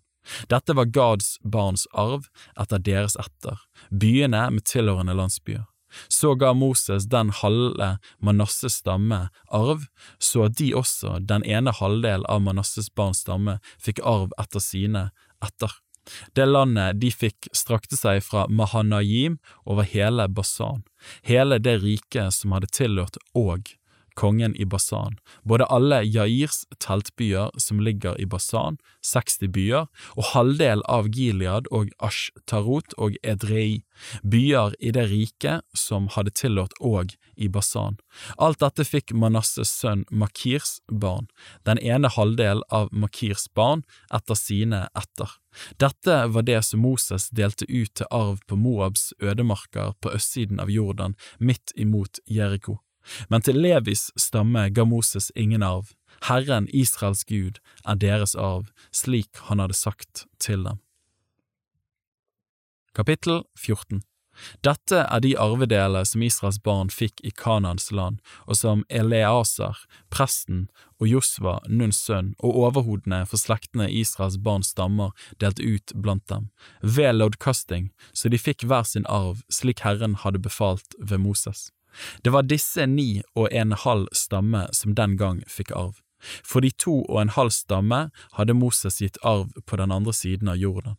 Men levittene hadde han ikke gitt arv blant dem, for Josefs barn utgjorde to stammer, Manasseh og Efraim. Og levittene fikk ikke noe del i landet, men bare noen byer til å bo i med tilhørende beitemarker for deres buskap og fe. Israels barn gjorde som Herren hadde befalt Moses, og skiftet ut landet. Da trådte Judas barn fram for Josfa Gilgal. Og Caleb, Jefunes sønn, kenisitten, sa til ham, Du vet hva Herren sa til Moses, Guds mann, om meg og om deg i Kadesh Barnea. Jeg var 40 år gammel da Moses, Herrens tjener, sendte meg fra Kadesh Barnea for å utspeide landet, og jeg kom tilbake til ham med svar etter mitt beste skjønn. Mine brødre som hadde dratt opp sammen med meg, tok motet fra folket, men jeg holdt meg trofast til Herren min Gud. Den dagen sverget Moses og sa, Sannelig, det landet som din fot trådte på skal være din og dine barns arv til evig tid, fordi du trofast holdt deg til Herren min Gud. Og nå ser du at Herren har gjort med meg som han sa. Han har latt meg leve i 45 år fra den tid Herren talte disse ordene til Moses, hele den tid Israel vandret i ørkenen. Og i dag er jeg 85 år gammel. Ennå er jeg like sterk som jeg var den dagen Moses sendte meg ut. Min styrke er den samme nå som den var den gang, både i strid og til å gå ut og inn. Så gi meg nå denne fjellbygden som Herren talte om den dagen, for du hørte selv den gang at anakittene bor der, og at de har store, befestede byer. Kanskje Herren er med meg så jeg får drevet dem bort, slik som Herren har sagt. Da velsignet Josva ham, og han ga Kaleb, Jefunels sønn, Hebron til arv. Slik fikk Kaleb, Jefunels sønn, kenisitten, Hebron til arv, som det er den dag i dag, fordi han trofast holdt seg til Herren, Israels Gud. Men Hebrons navn var før Kiryat Arba. Arba var den største mann blant anakittene, og landet hadde nå ro etter krigen. Kapittel 15 Den lodd som tilfalt Judas barns stamme etter deres etter, strakte seg bort imot Edom, helt til Sin-ørkenen i sør, og grensen i sør gikk ut fra enden av Salthavet, fra den bukten som vender mot sør. Den bøyde sør om Akrabim-skaret, tok så over til Sin og oppetter sør for Kadesh Barnea. Den gikk så over til Hesron og opp til Adar, der svingte den bort til Karka, tok så bortetter til Asmon og gikk frem til Egypterbekken og endte ute ved havet. Dette skal være deres grense mot sør. Grensen mot øst var Salthavet opp til Jordans utløp. Mot nord gikk grensen fra den viken av Salthavet der Jordan har sitt utløp. Derfra gikk den opp til Bet Hogla og videre nord for Bet Ha-Arab opp til den steinen som har navn etter Bohan, Rubens sønn. Så gikk grensen fra Akordal opp til Debir og vendte seg mot nord til Gilgal, som ligger midt imot Adumim-skaret sør for bekken, og gikk så over til vannet ved en Semes og fram til en Rogel. Derfra gikk grensen opp til Hinnoms sønns dal, til sørsiden av Jebus, det er Jerusalem, og gikk så opp til toppen av det fjellet som ligger rett vest for Hinnoms dal, ved nordenden av Refaim dal. Fra denne fjelltoppen strakte grensen seg bort til Neftoa-vannets kilde og holdt fram til byene i Efrons fjellbygd, og tok så bortetter til Baala, det er Kiryat Jearim, fra Baala svingte grensen vestover til Seirfjellet, tok over til nordsiden av Jearim-fjellet, det er Kesalon, og gikk så ned til Bet Shemesh og fram til Timna. Deretter gikk grensen nordover til Ekrons fjellrygg. Der svingte den bort til Shikeron og tok så over til Baala-fjellet, gikk fram til Jabneel og endte ute ved havet. Grensen mot vest var det store havet og landet langsmed det. Dette var grensene på alle sider for det landet Judas barn fikk etter deres etter. Men Caleb, Jefunes sønn, fikk sin del midt iblant Judas barn etter Herrens ord til Josfa. Det var den byen som hadde navn etter Arba, anakittenes stamfar, og som nå heter Hebron. Caleb drev bort derfra de tre anakittene Sheshai og Akiman og Talmai, etterkommere av Anak. Derfra dro han opp mot innbyggerne i Debir. Debirs navn var før Kiryat Sefer. Og Kaleb sa, Den som vinner over Kiryat Sefer og inntar det, ham vil jeg gi min datter Aksa til kone. Kenisitten Otniel, Kalebs bror, inntok det, og han ga ham sin datter Aksa til kone. Da hun kom til ham, egget hun ham til å be hennes far om en jordeiendom. Da hun sprang ned av eselet, spurte Kaleb henne, Hva er det du vil? Hun svarte, Gi meg en avskjedsgave. Du har giftet meg bort til dette tørre Sydlandet, gi meg nå vannkilder. Så ga han henne de øvre og de nedre kildene. Dette er den arv som tilfalt Judas barns stamme etter deres etter. Byene ved den ytterste grensen av Judas barns stamme mot Edoms grense i Sydlandet var Kabseel og Eder og Jakur, og Kina og Dimona og Adada og Kadesh og Hasur og Jitnan, Sif og Telem, Beolot og Hesor, Hadatta og Keriot, Hesron, det er Hasor, Amam og Shema og Molada, og Hasar Gadda og Heshmon og Bet Pelet og Hasar Shual og Beer Sheba og Bishutya, Baala og Lim og Esem og Eltolad og Kesil og Horma og Siklag og Madmana og Sensana og Lebaut og Shilhim og Ayin og Rimmon, i alt 29 byer med tilhørende landsbyer. I lavlandet Eshtawel og Sora og Ashna og Sanoa og en Ganim, Tapua og Haenam Jarmut og Adullam, Soko og Aseka og Sha'arayim og Haditayim og Hagedera og Gedoratayim, 14 byer med tilhørende landsbyer. Senan og Hadasha og Migdal, Gad og Dilan og Mispe og Jukteel, Lakish og Boskat og Eglon og Kabon og La Hamas og Kitlis og Gederot, Bet Dagon og Naama og Makeda, 16 byer med tilhørende landsbyer. Libna og Eta og Ashan og Gifta og Ashna og Nesib og Keila og Aksib og Maresja, ni byer med tilhørende landsbyer. Ekron med tilhørende byer og landsbyer. Fra Ekron og vestover alt som lå på Ashdod-siden med tilhørende landsbyer. Ashdod med tilhørende byer og landsbyer.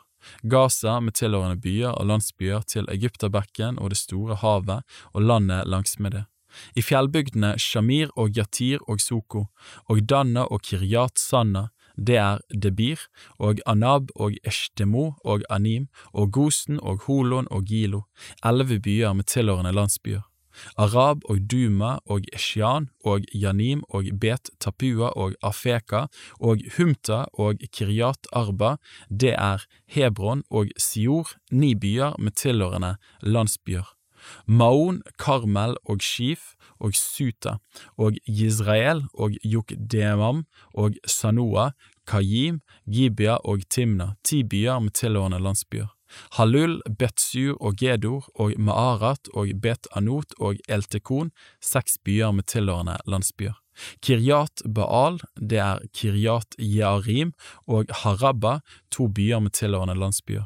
I ørkenen Bet Ha Araba, Middin og Sekaka, og Hanibshan og Ir Hamela og En Gidi, seks byer med tilhørende landsbyer.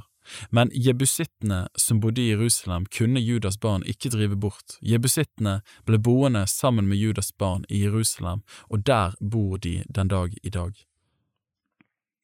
Kapittel 16 den lodd som tilfalt Josefs barn, gikk fra Jordan ved Jeriko, øst for vannet ved Jeriko, gjennom ødemarken som stiger fra Jeriko opp i fjellet til Betel.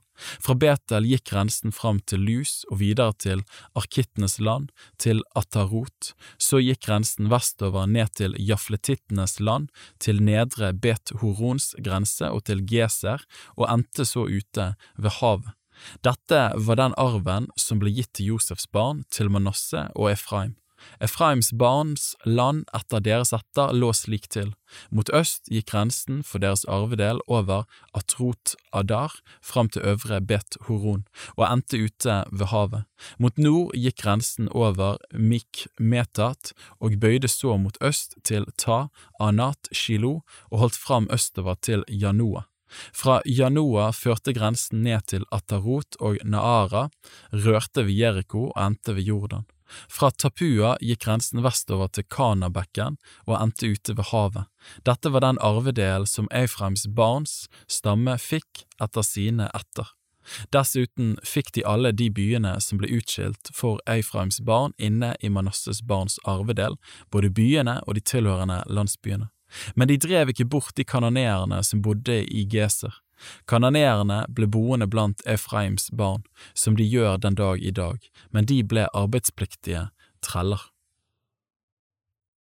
Kapittel 17 Manasses stamme fikk sin arvedel, for han var Josefs førstefødte. Makir, Manasses eldste sønn, gileadittenes stamfar, fikk Gilead og Basan fordi han var en stridsmann.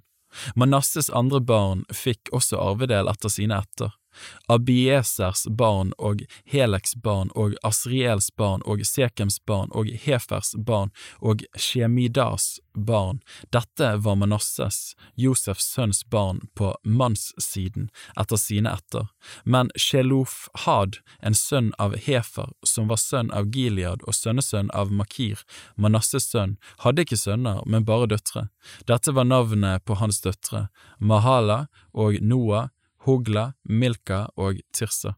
De gikk fram for Eleasar, presten, og for Josva, Nuns sønn, og for høvdingen og sa, Herren bød Moses at han skulle gi oss arv midt iblant våre brødre. Så fikk de etter Herrens ord arv midt iblant sin fars brødre. Slik falt det ti deler på Manasseh, i tillegg til Gileadlandet og Basanlandet på den andre siden av Jordan. For Manasses døtre fikk arv midt iblant hans sønner, og Gileadlandet hadde Manasses andre barn fått.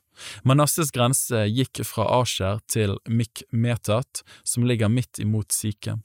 Så tok grensen til høyre til En Tapua-bygden. Manasse fikk Tapua-landet, men Tapua selv på grensen av Manasse tilfalt Efraims barn. Så gikk grensen ned til Kanabekken, sør for bekken, men byene der tilfalt Efraim, enda de lå mellom Manasses byer. Derfra gikk Manasses grense nord for bekken og endte ute ved havet. Alt som lå sønnafor, tilfalt Efraim, og det som lå nordafor, tilfalt Manasse. Havet ble hans grense. I nord støtte de opp til Asher og i øst til Issakar. I Issakar og i Asher fikk Manasse Bet Sean med tilhørende småbyer, og Gibleam med tilhørende småbyer, og innbyggerne i Dor med tilhørende småbyer, og innbyggerne i Endor med tilhørende småbyer, og innbyggerne i Tanak med tilhørende småbyer, og innbyggerne i Megiddo med tilhørende småbyer, de tre høydedragene. Men Manasses barn klarte ikke å innta disse byene, og det lyktes kanoneerne å bli boende der i landet. Da Israels barn senere ble sterkere, gjorde de kanonerende arbeidspliktige, men de drev dem ikke bort. Og Josefs barn talte med Josfa og sa, Hvorfor har du gitt meg bare én lodd og én arvedel, ennå jeg er et stort folk fordi Herren hittil har velsignet meg? Da sa Josva til dem, Hvis du er så stort et folk, så gå opp i skogen og rydd deg jord der i fersittenes og refaittenes land, siden Eifreims fjellbygd er for trang for deg. Men Josefs barn sa, Fjellbygden strekker ikke til for oss, og kanoneerne som bor i dalbygdene har alle sammen jernvogner, både de som bor i Bet Sian med tilhørende småbyer, og de som bor i Israels dal.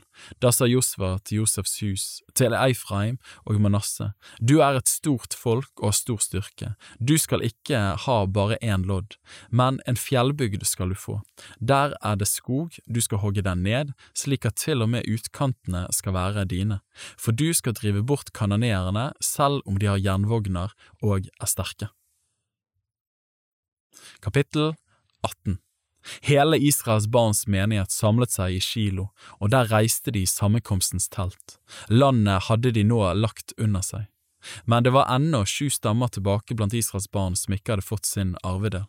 Da sa Josva til Israels barn, Hvor lenge vil dere ennå dryge før dere drar sted og inntar det landet Herren, deres fedres Gud, har gitt dere? Velg nå ut tre menn fra hver stamme. Så vil jeg sende dem ut, og de skal gjøre seg klar og gå igjennom landet og lage en beskrivelse med tanke på utskiftingen, og så komme tilbake til meg. Del det så mellom dere i sju deler. Juda skal bli i sitt land mot sør, og Josefs ett skal bli i sitt land mot nord. Dere skal lage en beskrivelse av landet, delt i sju deler, og så komme hit til meg med det dere har skrevet. Så vil jeg kaste lodd for dere her, for Herrens, vår Guds åsyn. Levittene skal ikke ha noen del sammen med dere, for Herrens prestedømme er deres arv. Gad og Ruben og den halve Manasses stamme har fått sin arv på østsiden av Jordan, den arv som Moses, Herrens tjener, ga dem. Så gjorde mennene seg i stand og gikk. Da de dro av sted, bød Josfa dem å skrive opp alt det de så i landet. Han sa, Gå av sted og dra omkring i landet og skrive opp alt dere ser. Kom så tilbake til meg, så vil jeg kaste lodd for dere for Herrens åsyn her i Kilo. Så gikk damene av sted og dro gjennom landet og skrev opp det de så der, by for by, i en bok i sju deler. Deretter kom de tilbake til Josva i leiren i Kilo. Og Josva kastet lodd for dem i Kilo for Herrens åsyn. Der skiftet Josva landet mellom Israels barn etter deres ettergreiner. Først kom loddet ut for Benjamins stamme, ett for ett. Det landet som ble deres lodd, kom til å ligge mellom Judas barn og Josefs barn. Deres grense i nord gikk ut fra Jordan og dro seg oppover til fjellryggen nord for Jeriko, og deretter vestover opp i fjellet og fram til ørkenen ved Bet Aven. Derfra gikk grensen over til Lus, til fjellryggen sør for Lus, det er Betel. Så gikk grensen ned til Atrot Adar, over det fjellet som ligger sør for nedre Bet Horon. Så gjorde grensen en sving og bøyde seg på vestsiden mot sør fra det fjellet som ligger rett sør for Bet Horon.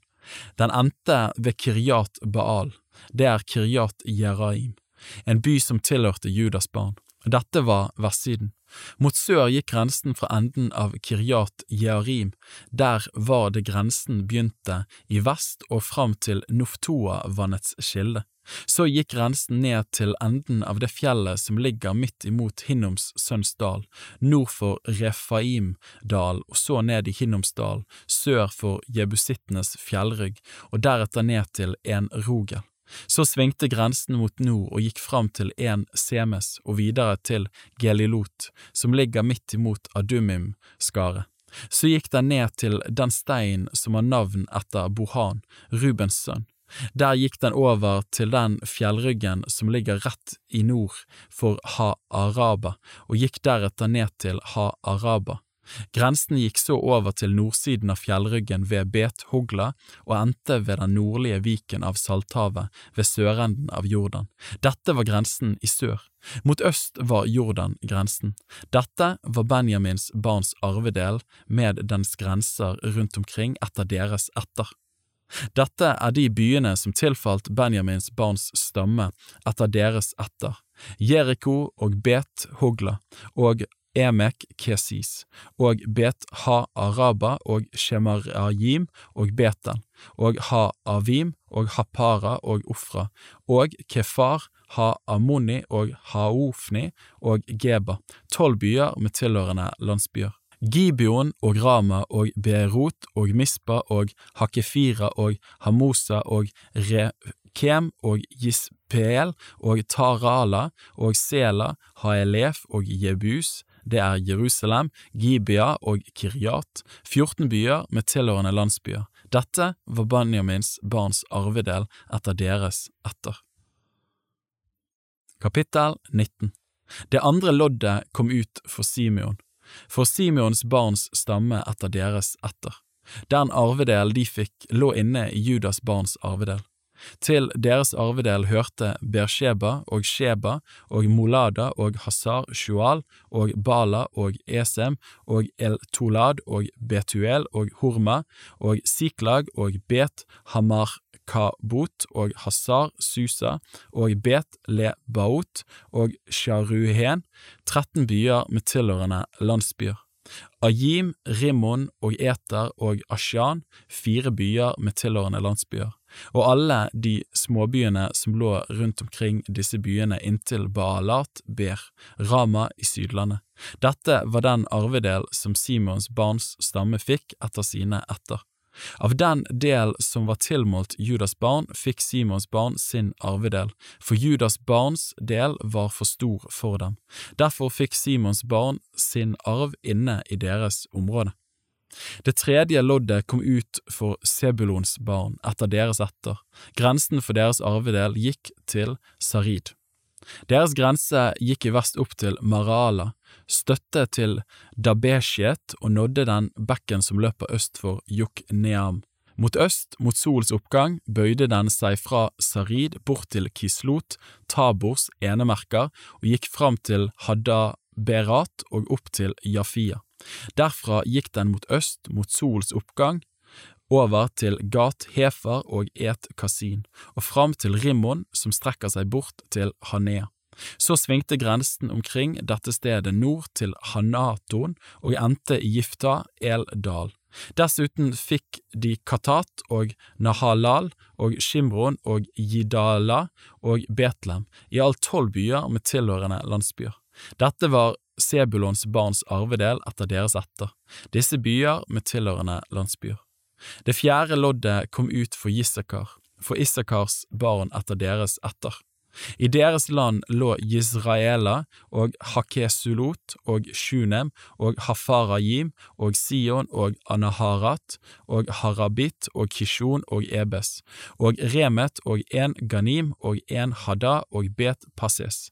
Grensen støtte til Tabor og Shahashima og Bet Shemesh, og den endte ved Jordan, 16 byer med tilhørende landsbyer.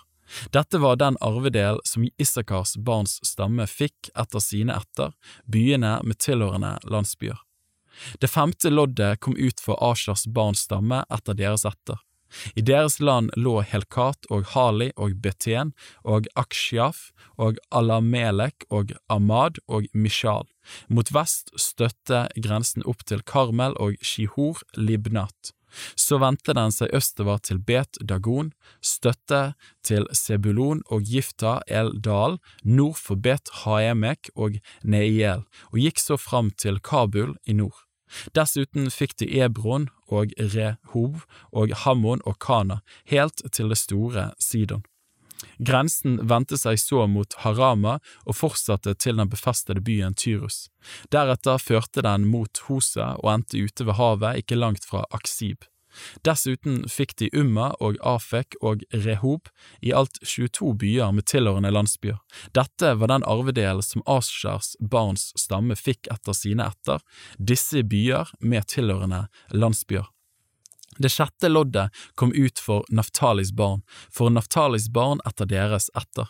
Deres grense gikk fra Helef, fra eiken ved Sa-Ananim og Adami Hanekeb og Jabneel fram til Lakum og endte ved Jordan. Så vendte grensen mot vest til Asnot, Tabor og fortsatte til Hukok og støtte i sør til Sebulon og i vest til Asher og i øst til Juda ved Jordan. Av befestede byer var der Hasidim, Ser og Hamat, Rakat og Kineret og Adama og Harama og Hasor, Kedesh og Edrei og en Hasor, Giron og Migdal El, Horem og Bet Anat og Bet Shemesh, i alt 19 byer med tilhørende landsbyer. Dette var den arvedel som Naftalis barns stamme fikk etter sine etter, byene med tilhørende landsbyer. Det tjuende loddet kom ut for Dans barns stamme etter deres etter. I det landet de fikk til arvedel lå Sora og Eshtaol og Ir Shemesh, Shah Alabin og Ayalon og Jitla, Elon og Timnata og Ekron, Elteke og Gibeton og Baalat, Jehud og Bene, Berek og Gat Rimmon, med Hayarakon og Harakon med bygdene bort imot Jaffa. Men Dans barns land ble for trangt for dem. Dans barn dro opp og førte krig mot Lesem. De inntok det og slo det med sverdets egg og tok det i eie og bodde der, og de kalte Lesem Dan etter sin stamfar Dan. Dette var den arvedel som Dans barns stamme fikk etter sine etter, disse byer med tilhørende landsbyer. Så var de da ferdige med å skifte ut landet etter dets grenser, og Israels barn ga Josva, Nuns sønn, en arvedel mellom seg. Etter Herrens befaling ga de ham den byen han ba om, Timnat Sera på Eifreimfjell. Han bygde opp byen og bosatte seg der. Dette var de arvedelene som Eleazar, presten og Josva, Nuns sønn og overhodene for ættene i Israels barns stammer, skiftet ut ved loddkasting i Kilo for Herrens åsyn, ved inngangen til sammenkomstens telt. Så var de ferdig med å skifte ut landet. Kapittel 20 Herren talte til Josfa og sa, Tal til Israels barn og si, avgi de tilfluktsstedene som jeg talte til dere om ved Moses. Dit skal en drapsmann kunne flykte når han har slått noen i hjel av vannvare uten forsett. Dere skal ha dem til tilfluktssteder for drapsmannen når han flyr for blodhevneren. Han skal flykte til en av disse byene. Der skal han stille seg ved inngangen til byporten og legge saken sin frem for de eldste i byen.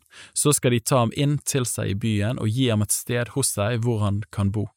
Når blodhevneren forfølger ham, da skal de ikke overgi drapsmannen i hans hånd, fordi han slo sin neste i hjel av vannvare og uten før å ha båret hat til ham.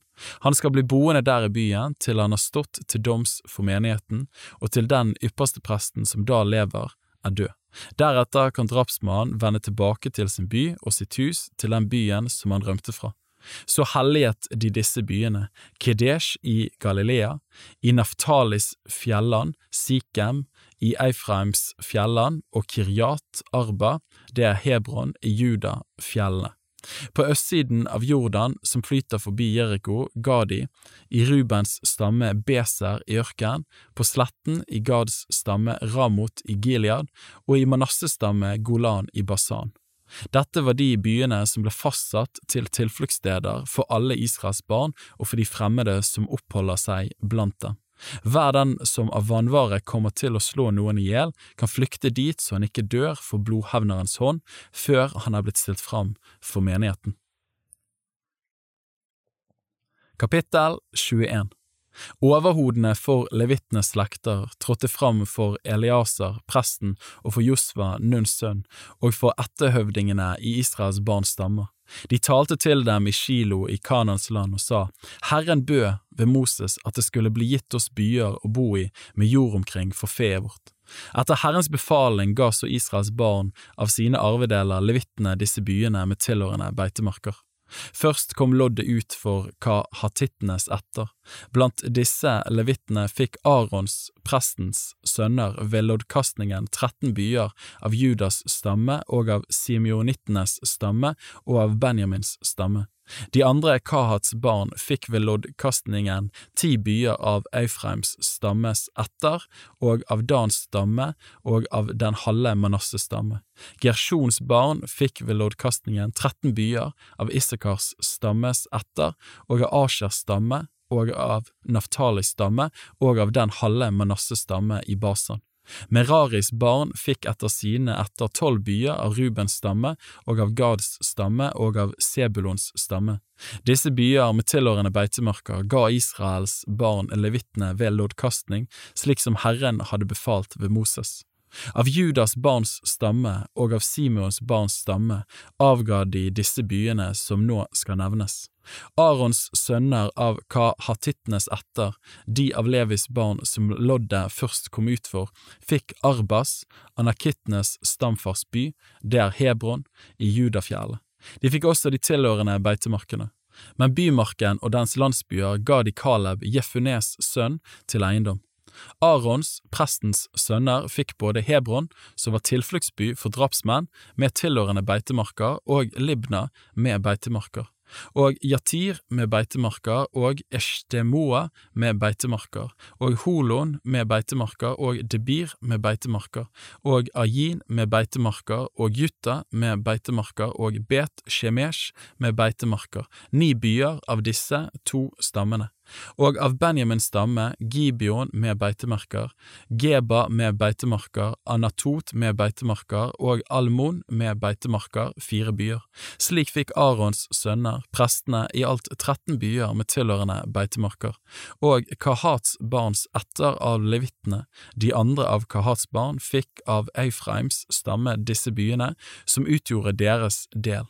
De fikk Sikhem, som var tilfluktsby for drapsmenn, med tilhørende beitemarker i Eifreimfjellet, og Geser med beitemarker, Kib Shayim med beitemarker og Bet Horon med beitemarker, fire byer.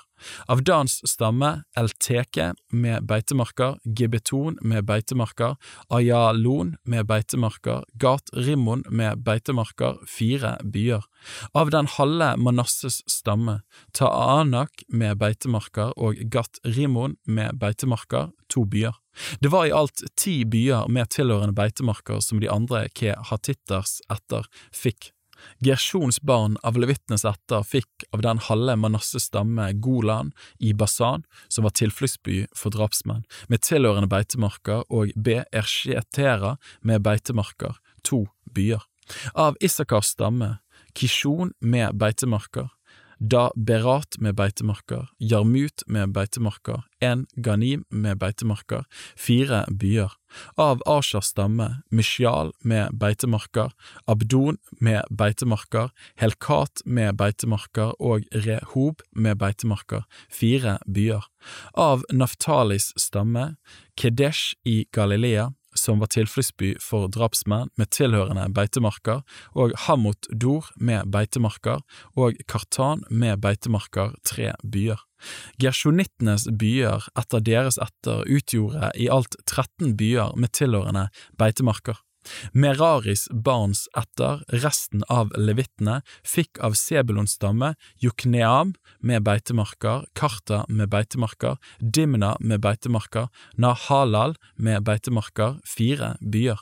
Av Rubens stamme, Beser med beitemarker og Jahasa med beitemarker, Kedemot med beitemarker og Mefat med beitemarker, fire byer. Av Gads stamme, Ramot i Gilead, som var tilfluktsby for drapsmenn med tilhørende beitemarker, og Mahanayim med beitemarker, Heshbon med beitemarker, Yaser med beitemarker, i alt fire byer. De byene som Meraris barn, resten av levittenes etter, fikk som sin del etter sine etter, var i alt tolv byer. I alt hadde levittene 48 byer med tilhørende beitemarker i det landet som Israel fikk til eiendom.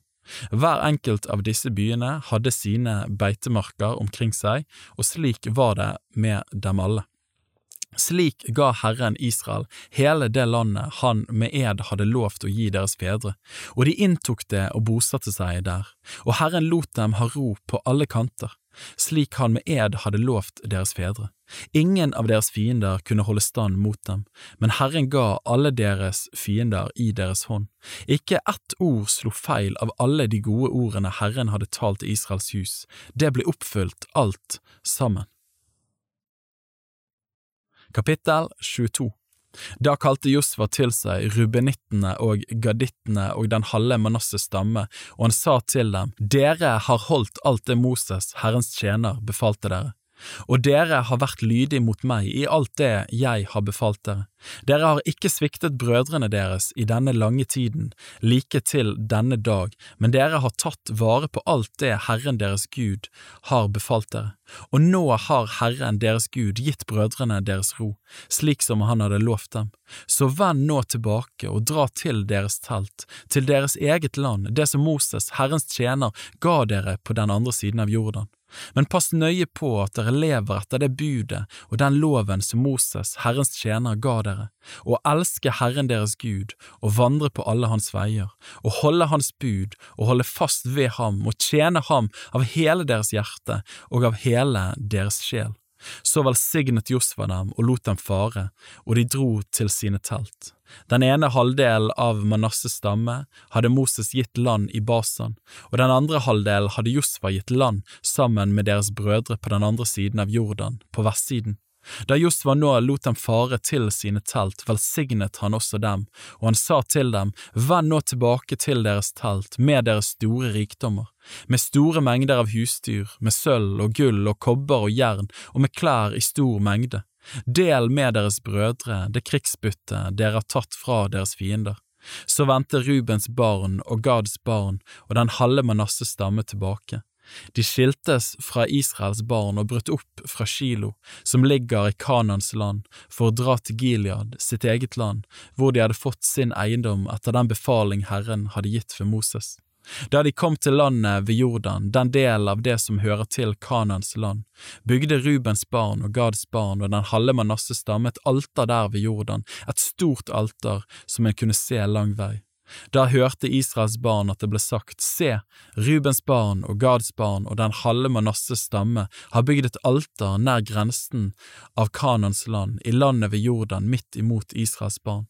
Da Israels barn hørte dette, kom hele Israels barns menighet sammen i Kilo for å gå til krig mot dem, og Israel sendte Pineas, presten, Eleasars sønn, til Rubens barn og Gads barn og den halve manasse stamme i Gileads land, og sammen med ham ti høvdinger, en etterhøvding for hver av Israels barns stammer.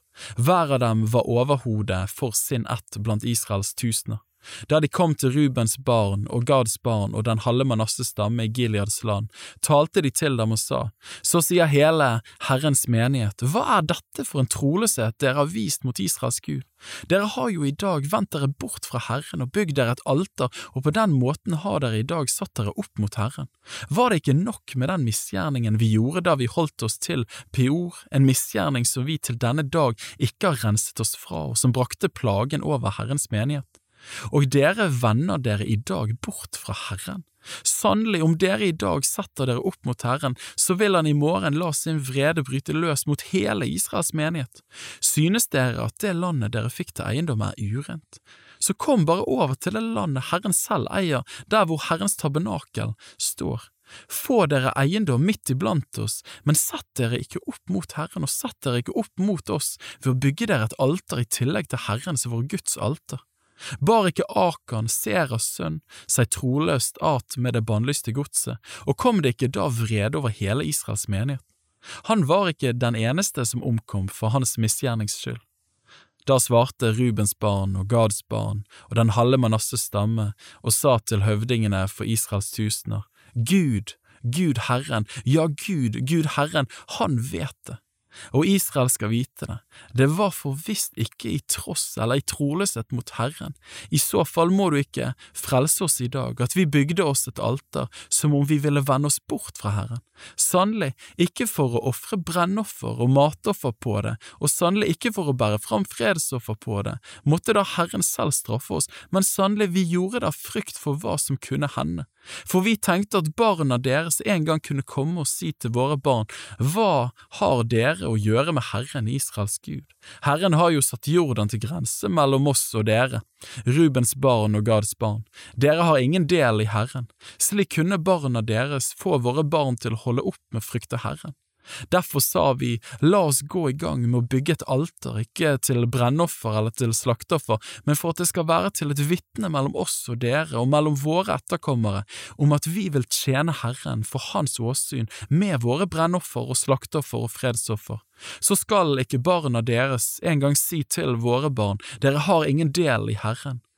Og vi sa, hvis det en gang skulle si noe slik til oss og våre etterkommere, da vil vi svare, se på den etterligningen av Herrens alter som våre forfedre har laget, ikke til brennoffer eller til slakteoffer, men for at den skal være et vitne mellom oss og dere.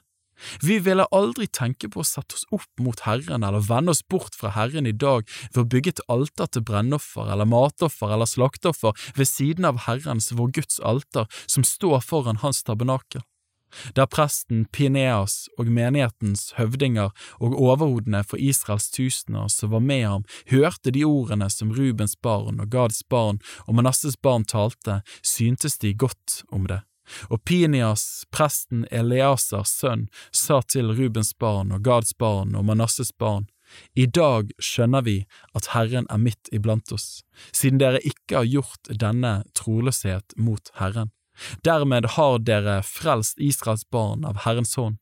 Så skiltes Pineas, presten Eliasers sønn, og høvdingene fra Rubens barn og Gads barn i Gileads land, og vendte tilbake til Kanens land, til Israels barn.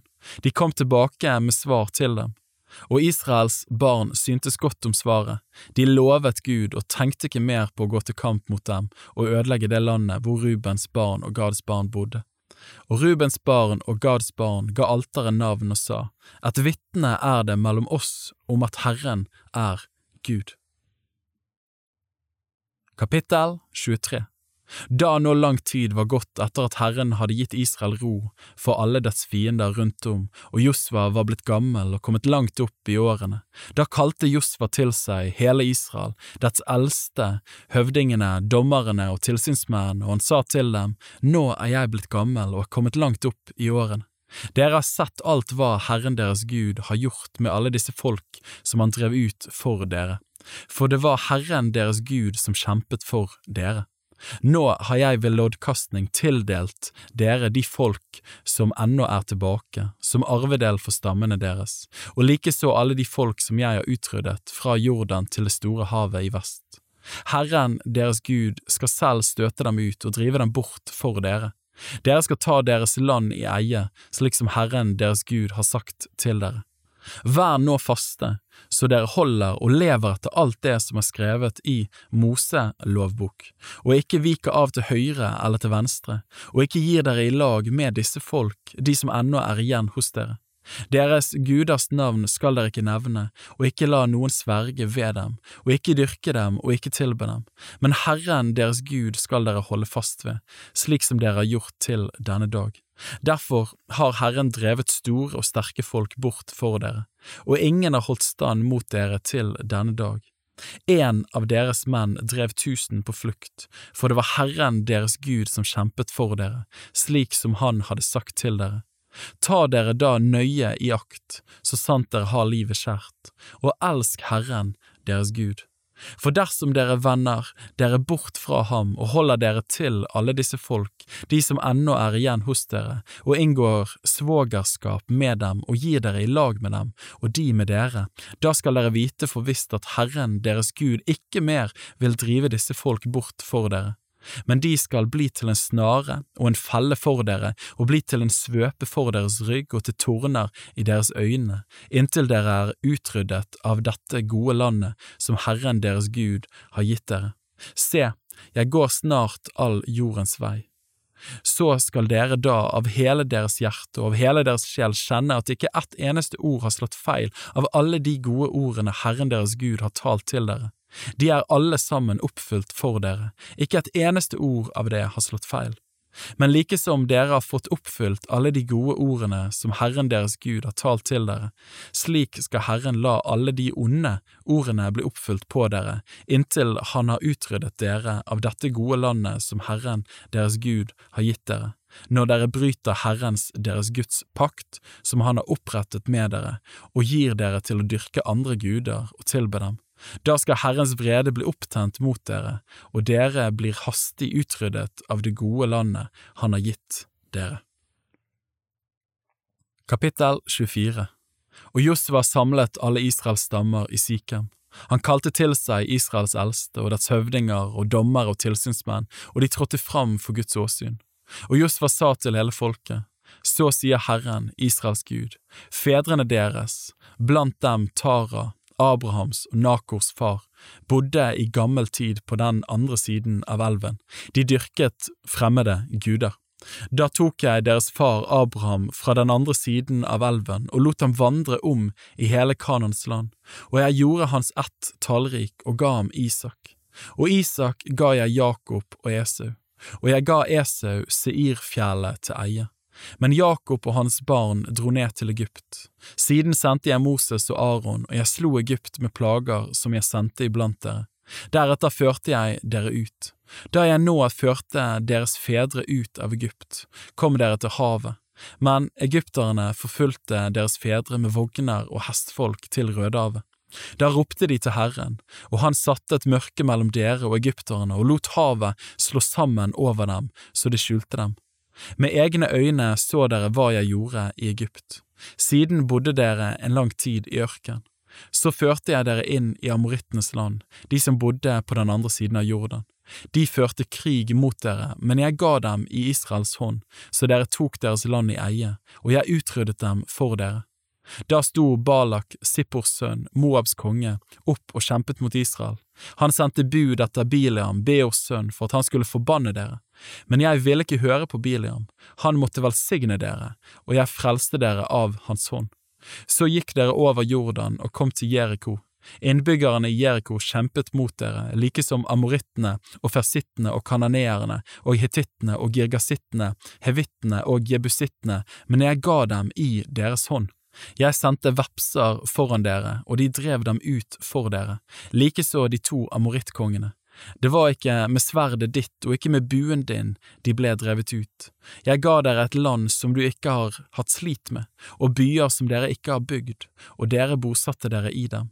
Dere eter av vingårder og oljetrær som dere ikke har plantet. Så frykt nå Herren, og tjen ham i oppriktighet og troskap. Skill dere av med de gudene som deres fedre dyrket på den andre siden av elven og Egypt, og tjen Herren.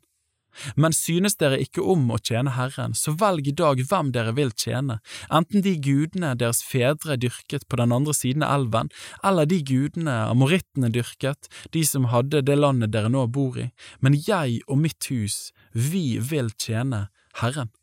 Da svarte folk og sa, Vi vil aldri tenke på å forlate Herren for å dyrke fremmede guder.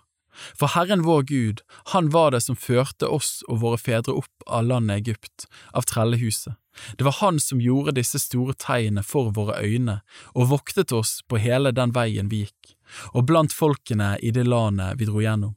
Og Herren drev ut for oss alle disse folk og de amorittene som bodde i landet. Også vi vil tjene Herren, for han er vår Gud. Josva sa til folket, Dere vil ikke makte å tjene Herren, for han er en hellig Gud. En nidkjær Gud er han, han vil ikke bære over med deres overtredelser og synder. Når dere forlater Herren og dyrker fremmede guder, da vil han vende seg bort og la det gå dere ille og tilintetgjøre dere, ennå han før har gjort vel mot dere. Men folket sa til Josva, Nei, Herren vil vi tjene. Da sa Josfa til folket, Så er dere da vitner mot dere selv at dere har valgt Herren og vil tjene ham. De sa, Ja, det er vi vitner på. Og Josva sa, Så skill dere nå av med de fremmede gudene som dere har hos dere, og bøy hjertene til Herren, Israels Gud. Og folket sa til Josva, Herren vår Gud vil vi tjene, og Hans ord vil vi lyde. Den dagen gjorde Josva en pakt med folket i Sikhem og satte lov og rett for dem. Og Josva skrev opp disse ordene i Guds lovbok. Han tok en stor stein og reiste den der under den eiken som sto ved Herrens helligdom.